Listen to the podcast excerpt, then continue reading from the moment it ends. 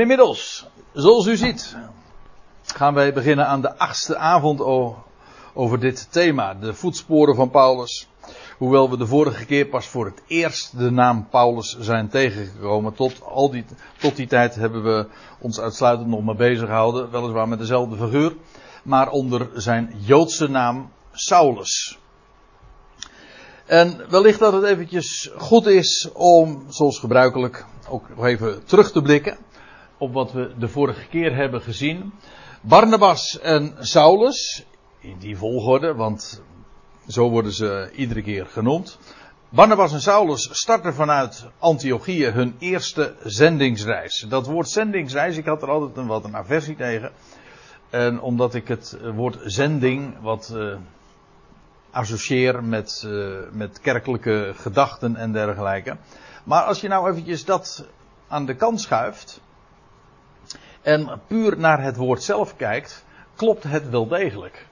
En, want je leest namelijk in Handelingen 13, vers 4 dat ze waren uitgezonden, en dat is precies het woord wat daar ook gebruikt wordt. Ze waren uitgezonden onder, letterlijk staat er onder de Heilige Geest.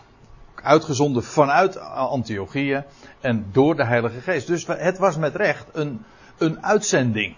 Ja, niet van de overheid, maar een, een, ja, nou ja, feitelijk wel dus. Van de hoogste overheid. Maar in ieder geval, ze waren uitgezonden. En in die zin is het dus in de strikte zin des woords een zendingsreis. Voor het eerst dat hier dus uh, georganiseerd, ik weet niet of dat het juiste woord is, maar in ieder geval heel doelbewust een reis ondernomen wordt om het evangelie te gaan brengen. Vanuit Antiochië. En waarom vanuit die plaats, daar hebben we ons voorgaande avonden nog mee bezig gehouden. Nou, en dan dan lees je ze doorreizen Cyprus, het eiland Cyprus, van de oostkant naar de westkant. En dan komen zij in het westen aan, in Paphos. Ik heb het nu dus gewoon over de eerste verse van Handelingen 13. Dan komen ze in Paphos aan en dan treffen ze een valse profeet aan. Met de naam Bar Jezus. Maar hij wordt vervolgens Elimas genoemd. Dat is zijn Griekse naam. En dat was echt een valse profeet zo wordt hij ook letterlijk genoemd. Dat wil zeggen, hij claimde het woord van God door te geven, maar het was vals. Niet in overeenstemming met het woord. En hij hield zich op bij de landvoogd Sergius Paulus. En als we die naam dan lezen, van die landvoogd, dan is dat in wezen de allereerste keer dat in de Bijbel de naam Paulus genoemd wordt. Dat is heel opmerkelijk. Dus dat als de naamverandering van Saulus naar Paulus plaatsvindt, dan is dat juist bij deze gelegenheid dat hij bij een landvoogd is, een heidense man. En die man die heette dus Sergius Paulus. En juist die combinatie is zo opmerkelijk, want die landvoogd die is geïnteresseerd in het woord Gods, die wil meer weten van het geloof, staat er. Geloof, niet werken, geen religie, nee, geloof. En dan staat er, hij wilde het woord Gods horen, maar Elimas die zet alles in het werk om die uh, landvoogd Sergius Paulus daarvan af te brengen. En die verzet zich daar dus tegen. En dan in Handelingen 13 vers 9, dan lees je Saulus, anders gezegd Paulus, die, die zegt Elimas heel streng iets aan en hij doet hem daarmee ophouden met dat verzetten en dat afhouden van die, die landvoogd. Hij doet Elimas daarmee ophouden. En ik heb het expres ook zo geformuleerd, want dat is namelijk precies wat er ook in Handelingen 13 staat. Hij doet uh, Elimas ophouden. En in het Grieks wordt dat woordje ophouden, dat is het woord pauw, waar ons woordje pauze van afgeleid is. Eigenlijk betekent het pauw gewoon stoppen, doen ophouden. Nou, dan staat er dat, dat Paulus hem doet ophouden. En dan staat er vervolgens, en hij wordt ter plekke voor een tijd lang blind. Nou, we hebben ons met de, de, de typologische betekenis daarvan bezig gehouden en ook die naamsverandering. Het valt allemaal samen. Hier in Dandelingen 13, hier gaat het voor het eerst de boodschap naar de natieën, naar een pure heiden, dus ook voor, dus sowieso voor het eerst. Niet een godvrezende, niet een vreemdeling binnen de poorten, zoals Cornelius dat ooit was. Nee, echt een pure heiden, deze landvoogd. En het gaat naar de natieën, juist door het ongeloof van Israël. Juist die combinatie.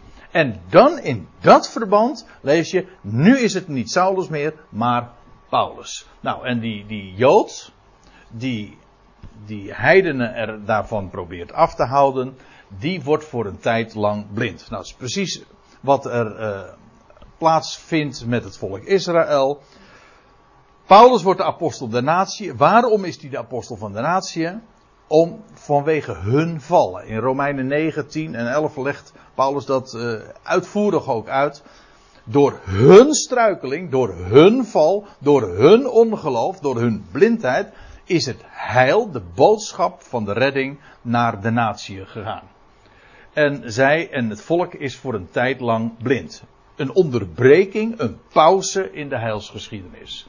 Dat is de, waar de bediening van Paulus voor staat. Ja, en dan is het inderdaad dat vanaf deze gebeurtenis in Handelingen 13, heel specifiek vanaf deze gebeurtenis wordt Saulus consequent Paulus. Niet meer zijn Joodse naam, want Saulus, Shaul, Saul, dat is zijn Joodse naam. Terwijl eh, Paulus zijn Romeinse, of zo u wilt, zijn heidense naam is. Want je kunt zeggen, Paulus is zijn naam als, die hij uh, heeft gehad als Romeinse staatsburger, want dat was hij. En ik heb gewezen op de Griekse betekenis van zijn naam. Namelijk pauw, stoppen. Maar wat hier dus eigenlijk aan de, wat hier aan de hand is en wat hier gebeurt, is dat zijn Joodse naam treedt op de achtergrond en nu is er vervolgens zijn heidense naam die een rol gaat spelen, of de rol gaat spelen. Dus wat hier verhaald wordt in Handelingen 13 is een hele veelzeggende wisseling. De boodschap door hun val gaat naar de natie. Nou, dat is wat we in de eerste twaalf versen van Handelingen 13 zagen. En dan stel ik voor dat we nu de draad oppakken bij vers 13. Handelingen 13, vers 13. En dan lees je Paulus en die met hem waren. En dat is nou weer zo eigenaardig. En het demonstreert precies ook en het illustreert waar ik het zojuist over had. Namelijk dat nu Paulus het voortouw gaat nemen. Want het is vanaf nu ook iedere keer, of bijna altijd, er zijn een paar uitzonderingen, maar dat is niet voor niks dan. Maar dat hij nu als eerste ook wordt genoemd. Niet meer Barnabas en Saulus, zoals het in het voorgaande was. Maar nu wordt het Paulus en Barnabas. Of in dit geval Paulus en die rondom hem waren. Ja, want zo staat het. Degene die rondom Paulus waren. En dat was niet alleen trouwens Barnabas, maar ook nog Johannes Marcus. U weet wel, die assistent van hen. Dat was een neef van Barnabas dan weer. We zullen. Oh ja, nou in hetzelfde vers komt hij nog een keer aan de orde. Maar lees nog even dit. Uh, ze, ze varen af van Paphos. Ze bevonden zich op het eiland Cyprus. Ze varen af van Paphos en ze kwamen in Perge in Pamphylië. Nou, dan laat, dat is een reis, een zeereis van ongeveer 275 kilometer. En hier ziet u een kaartje. En ze waren dus hier uit Antiochië gekomen en vervolgens naar Salamis gegaan eh, op, de, op het eiland Cyprus. Ze zijn vervolgens van het eiland van oost naar west getrokken via de zuidkant. Komen ze in Paphos aan. Nou, daar vindt dus die geschiedenis plaats met die Elimas, die, die valse profeet en die Sergius Paulus. Hier vindt dus de naamsverandering van Saulus naar Paulus plaats. Hier gaat voor het eerst de boodschap door hun val naar de natieën. En dan gaan ze dus vervolgens die zijreis maken waar ik het over had. En dan komen ze in Perge. En dat is in de landstreek Pamphylië. Dit is dus uiteraard Klein-Azië. Paulus zelf kwam hier vandaan, uit Tarsus. En hier is dus de kustplaats Perge, vlakbij de haven van Atalia. De, die, die naam komen we later in de geschiedenis nog tegen.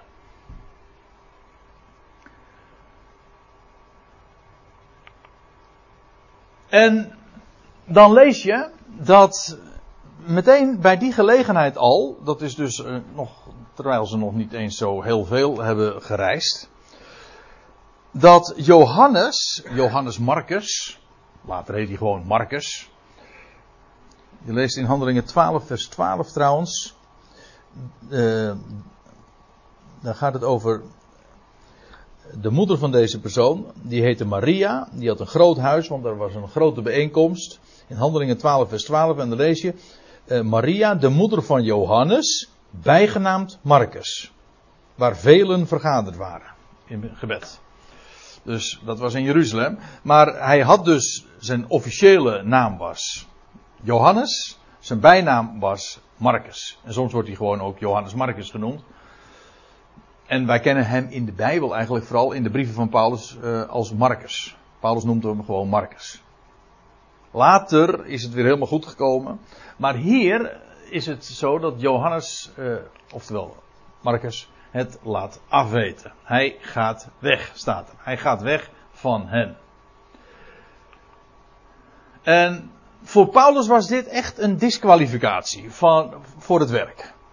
Die, die Johannes Marcus, die, die laat het helemaal afweten. En dit wordt later nog een bron van conflict tussen Paulus en Barnabas. Want wat lezen we later in Handelingen 15?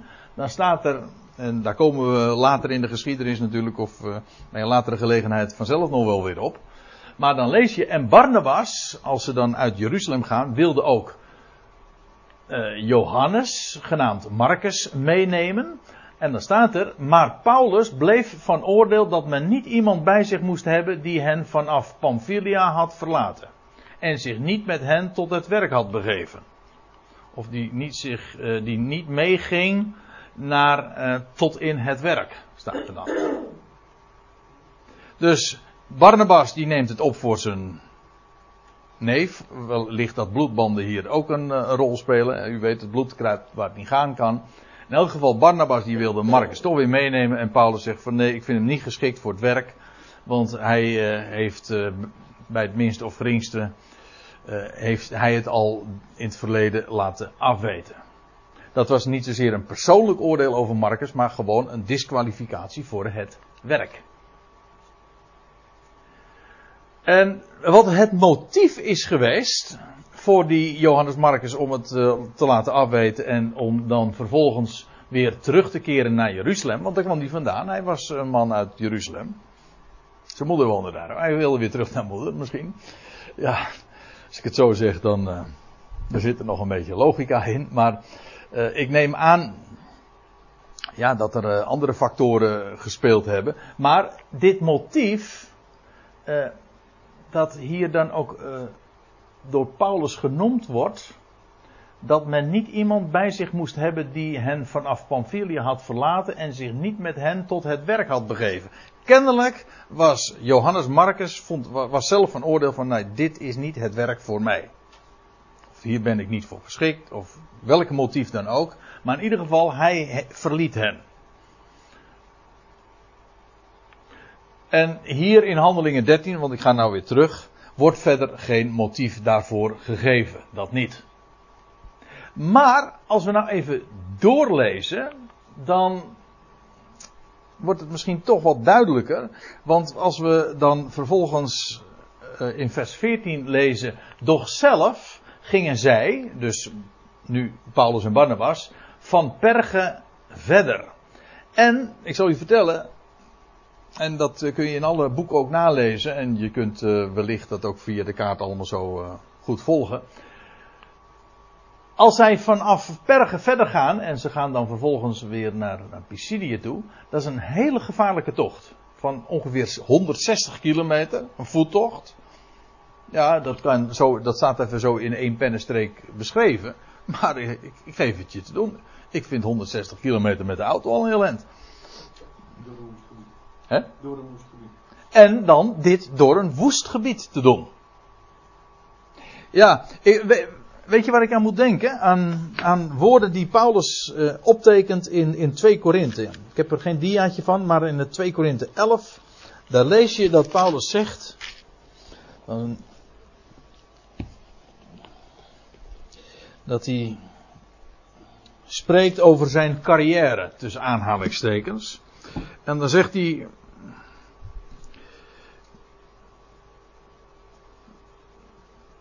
In vers 23, in moeite veel vaker, in gevangenschap veel vaker, in slagen maar al te zeer. Ik ben nu in 2 Korinthe 11 vers 24. In doodsgevaren menigmalen. Van de Joden heb ik vijfmaal de 40 min 1 slagen ontvangen. Driemaal ben ik met de roede gegezeld. Eén keer ben ik gestenigd. Driemaal heb ik schipbreuk geleden. Later zou hij trouwens nog een keer schipbreuk leiden.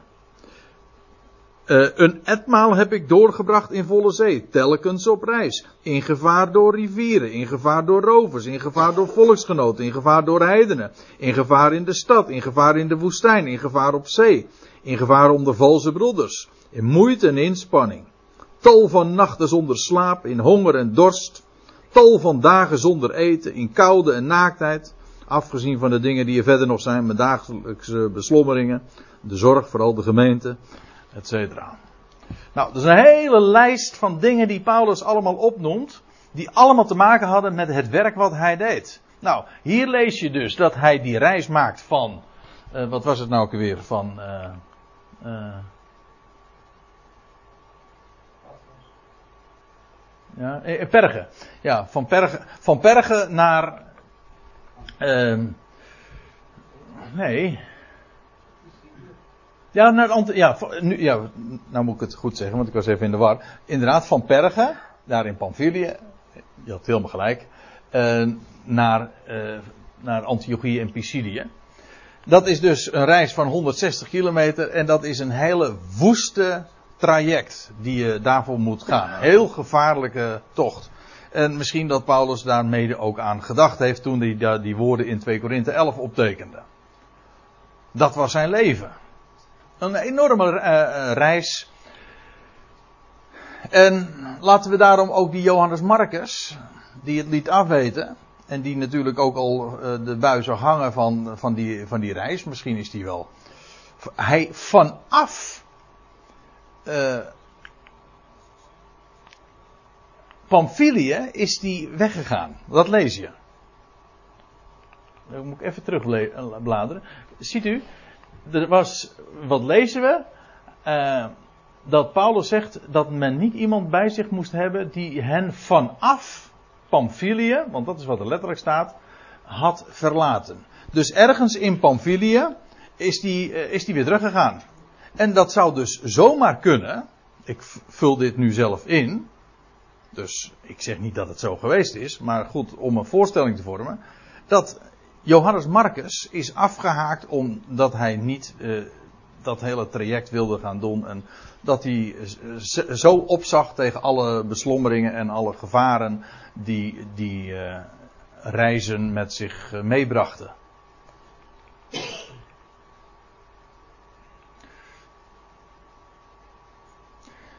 Dus laten we ook dat eventjes in ieder geval in gedachten ook houden.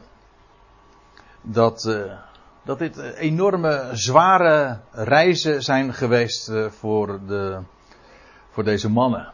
Het was echt werk. Goed, nou en dan lees je, ze kwamen vervolgens te Antiochieën in Pisidië. Ja, nou is het een beetje verwarrend, want het punt is, er zijn twee Antiochieën. Dat is verwarrend, misschien, als je het zo zegt. Maar dat moet je even weten om het boek Handelingen goed te begrijpen. Want je hebt namelijk het grote, grote Antiochië. Dat was een van de grootste wereldsteden in die dagen. Daarover hebben we het al diverse keren nu gehad. Maar je hebt ook een ander Antiochië. En dat wordt dan altijd genoemd het Antiochië in Pisidië. Dus kijk hier. Weer even dezelfde kaart.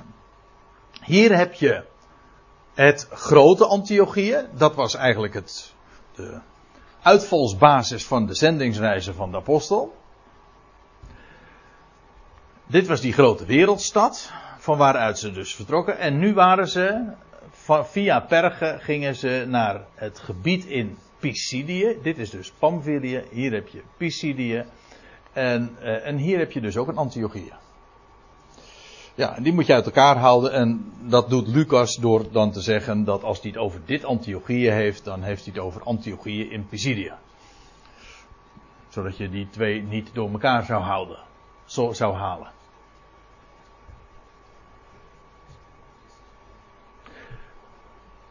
En dan komen ze daar dus aan in Antiochië in Pisidië. En staat er dan, en op de Sabbatdag in de synagoge gegaan zijnde, binnenkomende staat er eigenlijk, namen zij plaats, of letterlijk gingen ze zitten in de synagoge. Dit was een, een heel gebruikelijke gang van zaken. Paulus en Barnabas waren beide natuurlijk Joods. Ze gingen altijd eerst naar de synagoge. Eerst naar de Jood. Daar komt bij trouwens, maar daar zullen we het later in de bespreking van Handelingen 13 nog over hebben. Dat Paulus ook voor juist het, voor de Jood en voor de synagoge een hele bijzondere boodschap ook had. Ik bedoel, afwijkend ook van wat de twaalf vertelden. Paulus bracht niet meer de boodschap van uh, het, het, koninkrijk dat uh, wellicht binnenkort zou aanbreken. Dat de twaalf deden.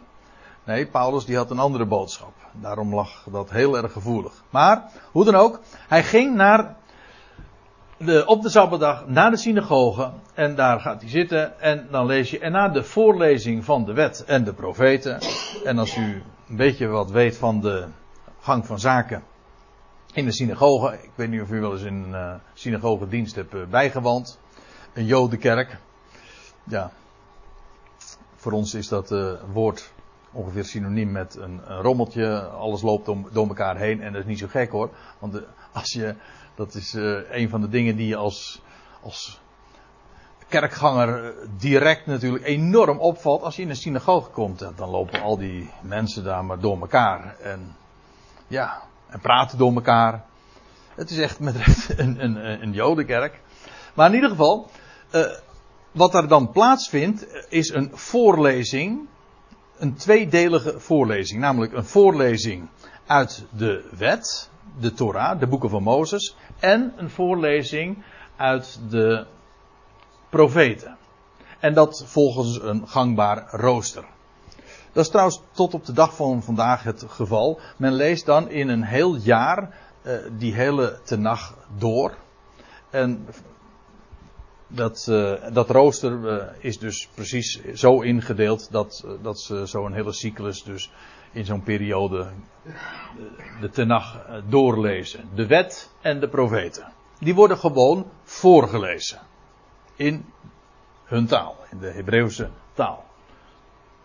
Nou, en na de voorlezing van de wet en de profeten, vast onderdeel, eigenlijk misschien wel het belangrijkste onderdeel ook van die synagoge, lieten de oversten van de synagoge, dat waren er meerdere, misschien omdat het wel een hele grote synagoge was, want bij een andere gelegenheid lees je gewoon de, de overste van de synagoge. Maar gewoon degene die die synagoge beheerde en ook leiding gaf aan zo'n bijeenkomst. Wel, dan lees je dat die over, de overste eh, iemand uh, afvaardigen. Die, en ze gingen, die liet hen naar Paulus en Barnabas gaan. En dan wordt de vraag hen voorgelegd: Mannenbroeders, indien gij een woord van opwekking voor het volk hebt, spreek het dan. Ook die gelegenheid werd geboden. Dat was uh, allemaal niet zo ambtelijk. Zoals ik had het zojuist over de kerk.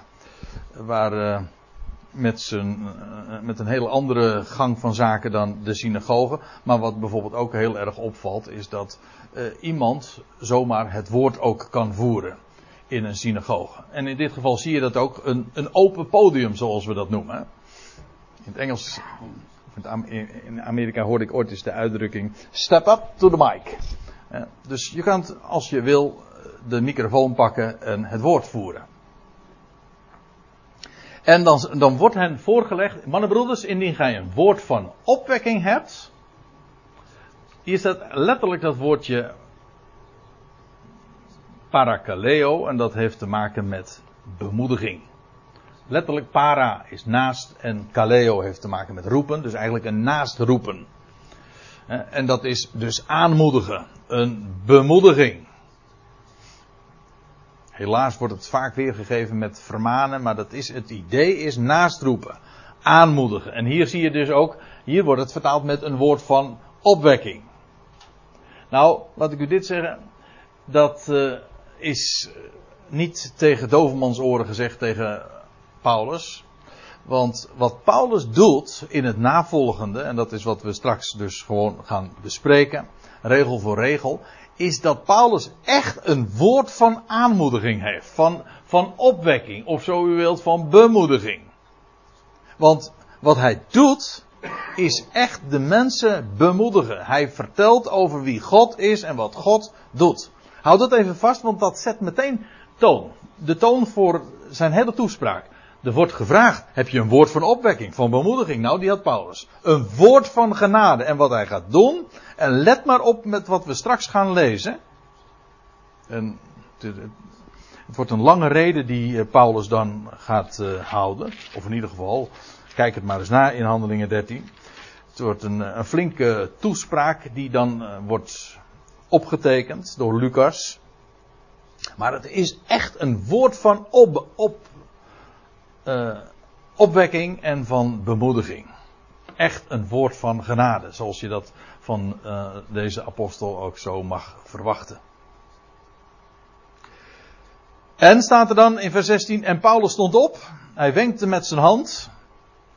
En dat wenken met zijn hand, ja, wat uh, je leest in hoofdstuk 12, vers 17. Dan, maar Petrus bleef, daar staat in vers 16, maar Petrus bleef kloppen en toen ze open gedaan hadden, zagen ze hem en waren verbijsterd. En hij wenkte met zijn hand dat ze zwijgen moesten en verhaalde hun hoe de Heere hem uit de gevangenis had geleid enzovoort. Hij wenkte met zijn hand. En later in hoofdstuk 21 vers 40, dan is Paulus in Jeruzalem en dan staat er, dat hij daar uh, gevangen, nou, ja, gevangen is genomen, daar op het tempelplein. En dat een enorme mensenmassa daar uh, zich heeft verzameld. En dan, dan lees je, en toen uh, hem was toegestaan om wat te zeggen, wenkte Paulus boven aan de trappen staande het volk met zijn hand. En toen het geheel stil geworden was, sprak hij hen in de Hebreeuwse taal toe en zeide enzovoorts. Dus hij wenkte met zijn hand. In beide gevallen, uh, in de beide andere gevallen wordt dat dus mee bedoeld van stil. Ik stel me zo voor dat hij dit gedaan heeft. Of misschien wel dit. Want het is ook wenken met je handen. En om aan te geven, alsjeblieft nu even stil. Zodat ik het woord tot jullie kan richten. Hij wenkte met zijn hand. Dat uh, onderstreept precies waar ik het net over had. Want in de synagoge praten ze allemaal door elkaar. En dan moet Paulus dus even het, het geheel wat daar verzameld is tot stilte manen. En dat doet hij door een wenk met zijn hand. En hij zeide, mannen van Israël. Mannen. Israëlieten. Die worden primair aangesproken. De vrouwen worden, die mogen meeluisteren, maar de mannen worden aangesproken. Israëlieten. En ik moet erbij zeggen trouwens dat als de Bijbel dat zo zegt, het zijn beide mannelijke vormen, maar dan zijn de vrouwen daarbij ingerekend, zeg maar. In, inclusief de dames. Mannen, Israëlieten en vereerders van God. Ja, want dat is uh, die, een groep die je in het boek Handelingen heel dikwijls tegenkomt, vereerders van God. Daar heb je twee soorten van. Vereerders van God, dat zijn mensen die deels zijn het zogenaamd, zo noemen de Joden zelf hen, vreemdelingen in de poorten. En Cornelius was er een van. Cornelius was een Romeinse hoofdman, geen Jood. Was ook geen, hij was ook niet Joods geworden, maar hij sympathiseerde met het volk. Hij vereerde ook de God van Israël. En hij gaf aalmoezen aan het volk. Hij sympathiseerde ook met de synagoge en met het volk. En vooral, hij vereerde God. Kijk, Joden hebben nooit de neiging gehad, of de behoefte. Nou, ik zeg nooit is te veel gezegd, maar als uh, in het geheel genomen om, om zending te bedrijven. Of om de, om de wereld te judaïseren. Om de wereld ook joods te maken. Joden die hebben heel sterk het besef van God heeft ons volk uitverkoren van de andere volkeren. We zijn, het is de bedoeling dat we de andere volkeren bij God brengen. Maar niet dat alle andere volkeren ook joods worden en de sabbat gaan houden en al die gebruiken. Nee, dat is, een, dat is wat God aan ons volk heeft gegeven. Dus De Jood heeft niet de behoefte om te judaïseren. Om Joods te maken. Maar er waren wel velen ook vereerders van God. Mensen die wel inzagen dat die God van Israël een hele bijzondere was. En dat zijn woord bijzonder was. En wel, die sloten zich dus aan bij de synagoge, of in ieder geval die, die waren daarbij betrokken. En dat waren dus de vreemdelingen in de poorten. Maar daar had je ook nog een deel, en dat waren de proselieten. En dat waren mensen die ook Joods werden. Dat heette dan Jodengenoten. Die worden de proselieten genoemd. Dat is eigenlijk ook een Grieks woord. En later in dit hoofdstuk komen we ze ook tegen. En dan wordt er gezegd van, uh, wordt er gesproken over vereerders van God. Die ook proselieten waren. Dus dat was een speciale groep nog weer van vereerders van God. Het waren dus heidenen, niet joden. Die de God vereerden, dat wel, maar niet joods waren. En je had een groep heidenen die uh, meer waren dan dat. Dat wil zeggen, die voegden zich ook bij het Jodendom en werden dus Jodengenoten. Dat kan je vandaag nog steeds worden, hè? Joods. Ik zal je dit vertellen, dat is een gigantische klus. Ik weet van iemand die het is uh, geworden. Ik ben ooit eens een keer een avond uh, bij hem op bezoek geweest. Een, hij is later zelfs rabbijn geworden. Maar hij, het was, een, het was een, een, een Fries, een Nederlandse man. En die heeft mij toen verhalen verteld hoe die hemel en aarde moest bewegen om de Joden ervan te overtuigen, de synagoge ervan te overtuigen dat hij Joods moest worden. En dan ga je door hele, hele. Hoe zeg je dat? Wat sorry? Zware selectieprocedure. Hele zware selectieprocedure. En dan moet je toch echt heel goed weten wat je doet. Want daar zijn ze helemaal niet zo happig op. Hoe dat in die dagen was, weet ik niet. Dat zal ook waarschijnlijk wel weer van tijd tot tijd verschilt, uh, uh, verschillen. Maar in elk geval, ik, ik uh, herinner me nog heel goed dat mij dat verhaal toen verteld werd.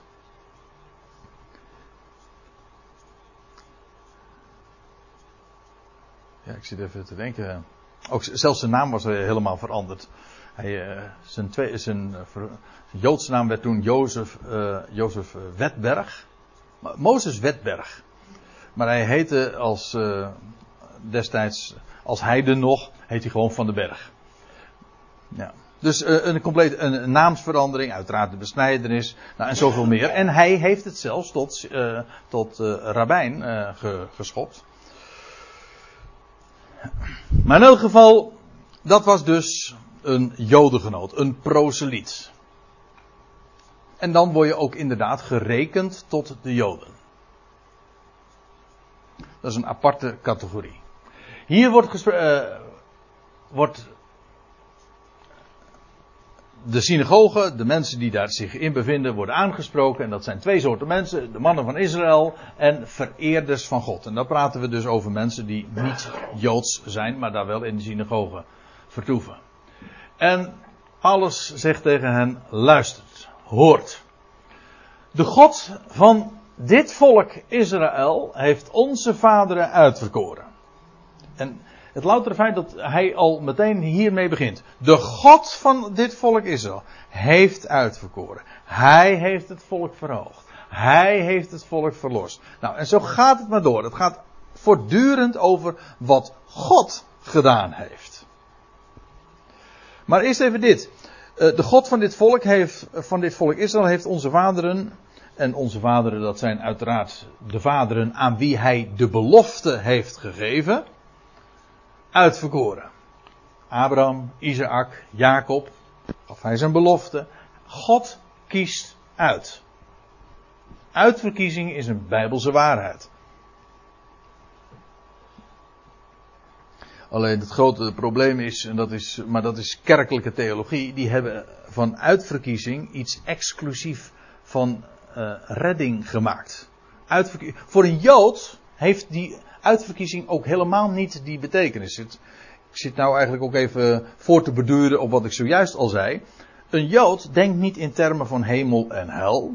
Een Jood weet, God heeft ons volk uitverkoren, maar om een kanaal van zegen voor de rest van de wereld te zijn. Uitverkiezing is niet omdat de rest van de wereld God niet zou interesseren. Dat zijn dingen die Joden weten. Christenen hebben er geen idee meer van.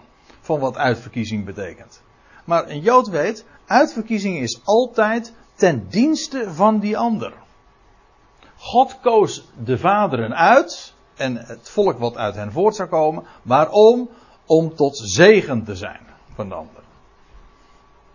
Het heeft niks te maken met redding, maar het heeft te maken met, met een, een kanaal van zegen te worden. Een instrument in zijn hand. Ja, dat is echt een heel andere, heel andere perceptie, een heel andere concept, een heel ander begrip.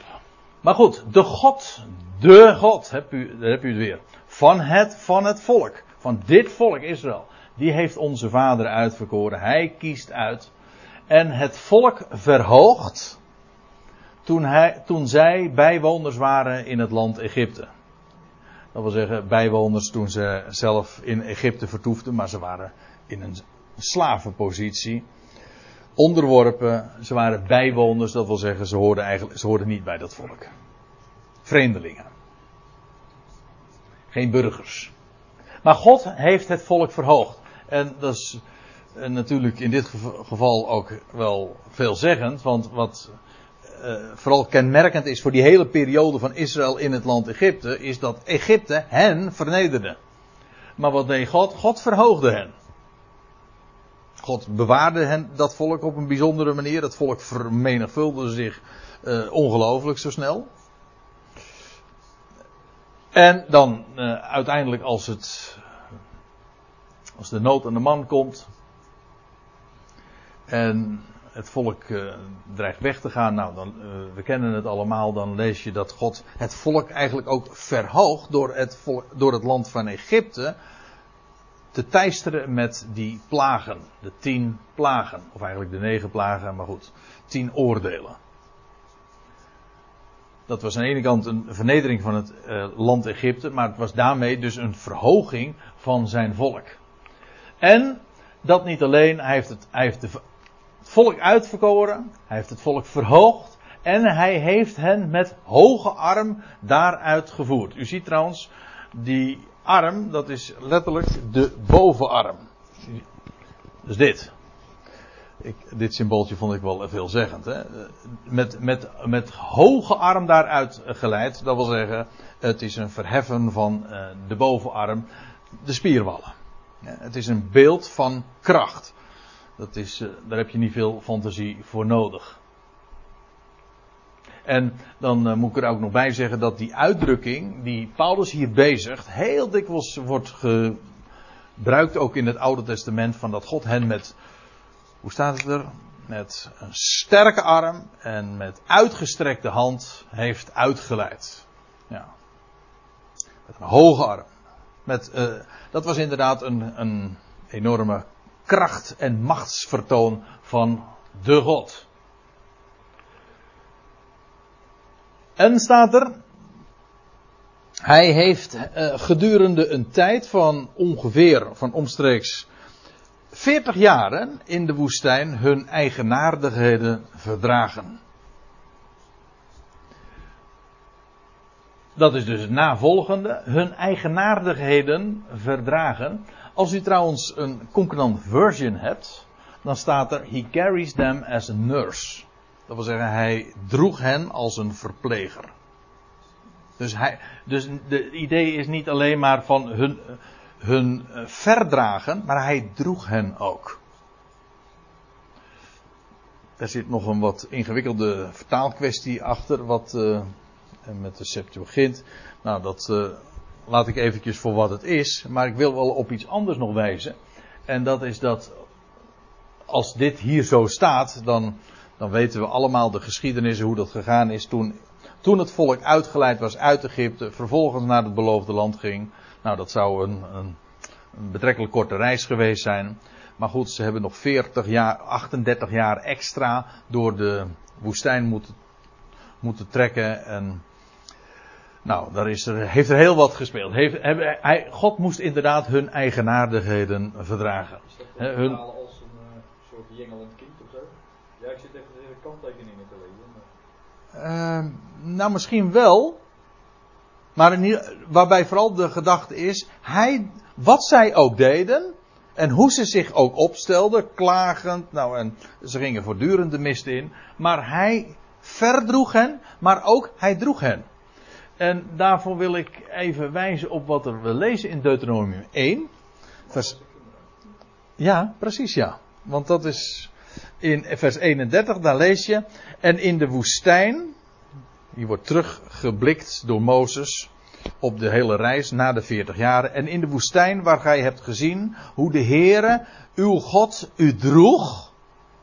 Zoals een man zijn kind draagt. Op heel de weg die gij gegaan zijt. Totdat gij op deze plaats gekomen zijt. En nu waren ze inmiddels bijna uh, uh, eraan toe om het land binnen te gaan. Het beloofde land binnen te gaan. Dus dit is een terugblik op de 40 jaren die zij hebben doorgemaakt in de woestijn. En de Heere, hun God, Jaweh hun God, die droeg hen. Ja, hij verdroeg hen. Maar ook hij droeg hen zoals een man zijn kind draagt. Met kracht. En inderdaad, eh, ze jengelden en ze klaagden en ze deden van alles. Maar God was degene die hen droeg en verdroeg. Ook hier zie je weer genade. 40 jaar. Murmureren, ja, mopperen. Want dat doet de mens heel graag. Ja. Zelfs als je vraagt, hoe is het? Dan zeggen ze, nou, ik mag niet klagen. Dat is, dat, ik denk altijd, als iemand zoiets zegt, ik mag niet klagen, dan is dat een klacht. Hoe is het? Nou ja, ik mag niet klagen. Ja. Ik zou, het, ik zou het zo graag willen, maar ik mag het niet. Nou, dat is een klacht dus. Hè. Ja. En uh, het suggereert trouwens ook nog, je wil het wel graag, maar het mag niet. Ja. Maar goed, Israël. 40 jaar. Maar het was de Heer die hen als een man zijn kind droeg. En dan, Paulus gaat uh, met zeven mijls lazen door de geschiedenis van Israël, terwijl hij daar in de synagoge de mensen daar toespreekt. En het, het loutere feit dat hij het zo doet, dat geeft aan dat zij natuurlijk heel goed wisten waar hij het over had. Dit is geen, niet zozeer onderwijs, alsof zij dit niet wisten. Dit wisten ze allemaal, dit is bekende stof. Maar Paulus eh, geeft in een paar pennenstreken aan van hoe dat zo gegaan is. En juist ook door te tekenen wie God is. Hij heeft een woord van opwekking, van bemoediging. Wat God voortdurend gaat. God koos uit. God heeft hen uh, verhoogd. God heeft hen met een sterke arm uitgeleid. God heeft hen 40 jaar gedragen. En dan staat er na zeven volkeren. En inderdaad, ze worden genoemd. De, dit, dit, is dan weer een verwijzing, een refereren aan Deuteronomium 7, vers 1. Dan lees je. Want wat Paulus hier zegt, dat is niet zomaar. In Deuteronomium 7, ook een toespraak van Mozes. Wanneer de Heer, uw God, u in het land gebracht zal hebben. Dat gij in bezit gaat nemen. Dat hij voor u, dat hij voor hij, dat gaat God doen. Dat is een belofte die het volk meekrijgt. Dat hij voor u uit vele volkeren verdreven zal hebben. En dan worden ze genoemd. De Hethieten, de Gergasieten, de Amorieten, de Canaanieten, de Perezieten, de Gewieten en de Jebusieten. Tel ze maar na, zeven stuks. Zeven volkeren. En dan wordt er gezegd, talrijker en machtiger dan jullie. Maar dit gaat God doen. Dit is niet iets wat zij moesten doen. Zij moesten, het enige wat ze zouden doen is in geloof die stappen zetten vertrouw erop dat God dat doet. Dat was in wezen de grote ellende, want dat eigenlijk louter feit dat zij 38 jaar langer in die woestijn hebben gedraald en verbleven, dat was omdat ze niet geloofden dat God hen dat land zomaar zou geven. Ja, ze keken naar die reuzen die daar waren en het was onneembaar, het waren machtige volkeren. En dat, dat zouden ze never nooit kunnen innemen. Ja, het was die angst, hele begrijpelijke angst, die hen ervan afhield en die, waardoor ze gingen mopperen. In wezen, mopperen is typisch ongeloof. Oké, het is geaccepteerd ongeloof, hè? algemeen geaccepteerd ongeloof, maar het is ongeloof. God zegt, ik zorg, ik geef het je. kan toch niet? En bedenkingen en vragen, nee, dat... En dan ga je, en dan ga je klagen en dan, en dan ga je mopperen. Maar dat is, dat is naar de mens. Dat was juist het ongeloof van Israël. Maar God zegt, al die zeven volken, en al zijn ze talrijker en machtiger dan jullie, ik ga ze voor jullie verdrijven. Ja, en dan eh, weer even terug bij Handelingen 13. Dan zegt Paulus, na zeven volkeren uitgeroeid te hebben. Nou, dat staat er trouwens niet hoor. Want u ziet, letterlijk staat hier uh, neerhalende. In de zin van ten onder doen gaan. U ziet dit woord. Het heeft een strongcode. Dit is de code. En uh, dat betekent gewoon letterlijk neerhalen. En het wordt vertaald met, u ziet, met beroofd worden, slechten. Dat wil zeggen, eh, een bolwerk slechten. Uh, gestort, eraf nemen. Ze namen hem af van het kruis. Dat was hetzelfde woord. Afbreken. De tempel afbreken. Dat is ook neerhalen. Of iets neerstorten, slechten. Afnemen. Nou, slechts één keer wordt het vertaald dus met uitroeien. En dat is hier. Maar dat is niet het woord dus wat gebruikt wordt wordt gesproken over het neerhalen als het slechte van een bolwerk, het ten onder doen gaan van die volkeren. Zodat die volkeren daar niet meer zijn, maar jullie zouden dat krijgen. Ik moet er trouwens bij zeggen dat God uh, dat al veel eerder had kunnen doen. Maar uh, we lezen Weet u waarom dat zo lang geduurd heeft? God gaf zijn belofte aan Abraham. Maar God heeft had in Genesis 15, lees je al, dat pas ruim 400 jaar later, God noemt dat eh, getal, van dat eh, die, die tijdspanne, dat pas ruim vier eeuwen later, dat het volk pas naar het land Israël zou gaan en dan het volk zou in het land zou innemen. Weet u waarom?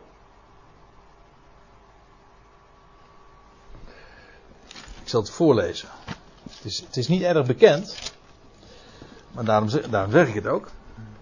Er staat in Genesis 15, vers 13 dat God tegen Abraham zegt, Abraham nog hier, weet voorzeker dat uw nakomelingen vreemdelingen zullen zijn in een land dat het hunne niet is en dat zij hen dienen zullen en dat zij hen, dat die hen zullen verdrukken 400 jaar. Doch ook het volk dat zij zullen dienen zal ik richten en daarna zullen zij met grote haven uittrekken. De uittocht uit Egypte is dat. Maar gij zult in vrede tot uw vaderen gaan, gij zult in hoge ouderdom begraven worden, wordt tegen Abraham dan gezegd. En dan vers 16. Het vierde geslacht echter zal hierheen weerkeren, want, want Eerder is de maat van de ongerechtigheid der Amorieten, dat is gewoon de verzamelnaam voor al die volkeren daar. Eerder is de maat van de ongerechtigheid der Amorieten niet vol. De, ont, eh, de ongerechtigheid letterlijk staat de ontaardheid. Dat die volkeren die daar in, in dat land Canaan verbleven, die zeven volkeren, waren diepgaand ontaard. En God heeft heel lang gewacht om in te grijpen. Sterker nog, honderden jaren is het volk in verdrukking geweest. En maar moest wachten, want God wilde die volkeren daar in Canaan wilde gaan richten. Maar dat wilde hij doen op het juiste tijdstip. Pas als de maat van de ontaardheid van die Amorieten vol zou zijn. Daarom zou het nog honderden jaren duren voordat het volk van de, en de nakomelingen van Abraham daadwerkelijk het land kregen. Maar goed, die zeven volkeren zijn er dus ten onder gegaan, want dat is eigenlijk het woord wat er gebruikt wordt. Zijn neergehaald in het land Canaan. En hij, hij heeft, ook iedere keer weer hij deed dat, hè. En hij heeft hun land hun ten erfdeel gegeven. U ziet, er staat niet ten erfdeel gegeven, maar hij, er staat, hij verdeelt door loting. Hier wordt in het Grieks een woord gebruikt dat niet eh, betekent erfdelen, een, een erfdeel geven, maar betekent een lotsdeel. Een deel dat je zomaar toekomt. Dat jouw lot is. En ook dikwijls te maken heeft letterlijk met een lot dat geworpen wordt. Maar we weten ook, inderdaad, dat het land van Israël aan het volk is gegeven door loting. In uh, nummer 26, daar lees je, in vers 55, evenwel zal het land door het lot verdeeld worden. Naar de namen van de stammen hun vaderen zullen zij het erven. Maar door loting. In Jozua 14 lees je iets soortgelijks. En weet u waarom? Daar heb ik nog een vers voor. Vind ik een prachtige, prachtige spreuk. Daar staat: Het lot wordt in de schoot geworpen. Dat is een spreuk 16, vers 33. Maar elke beslissing daarvan is van Met andere woorden, het lot is iets waar de mens geen aandeel in heeft. Dat is trouwens precies waarom een loting plaatsvindt. Als, uh, als een mens zich van iets, van een keuze aftrekt, zijn handen daarvan afhaalt, ja, dan is dat, zeg nou, laat het lot maar beslissen. Maar wat betekent dat? Je zegt feitelijk, laat God het maar beslissen. Een loten is in die zin dus een hele heilige bezigheid. Het is eigenlijk de keuze geef je aan God. Wij weten het niet, wij beslissen het niet. Nee, het lot. Het lot beslist.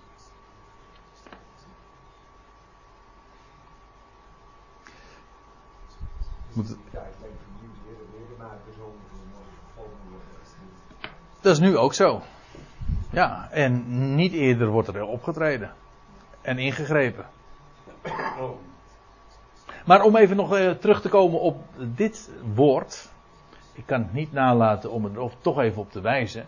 Want eh, er staat hier: het lot wordt in de schoot geworpen. En dan is het idee vooral: uh, ja, het wordt je. Ja, het wordt je gegeven. Het wordt je in de schoot geworpen. Zo zeggen wij dingen ook. Hè? Het wordt me in de schoot geworpen. Maar dat staat er niet. Het, het lot wordt in de, de. Er staat er hier in de bosom. Dat is de, de borst, de, ja, de boezem. Uh, geworpen. En waar wijst dit op? Op de Urim en de Tumim. Het lot. De, pardon. Uh, het, de borstplaat van de hoge priester. En daar werd het lot geworpen. Hoe dat in zijn werk ging, ik heb er ooit eens een keertje een studie over gegeven, over die Urim en Tumim.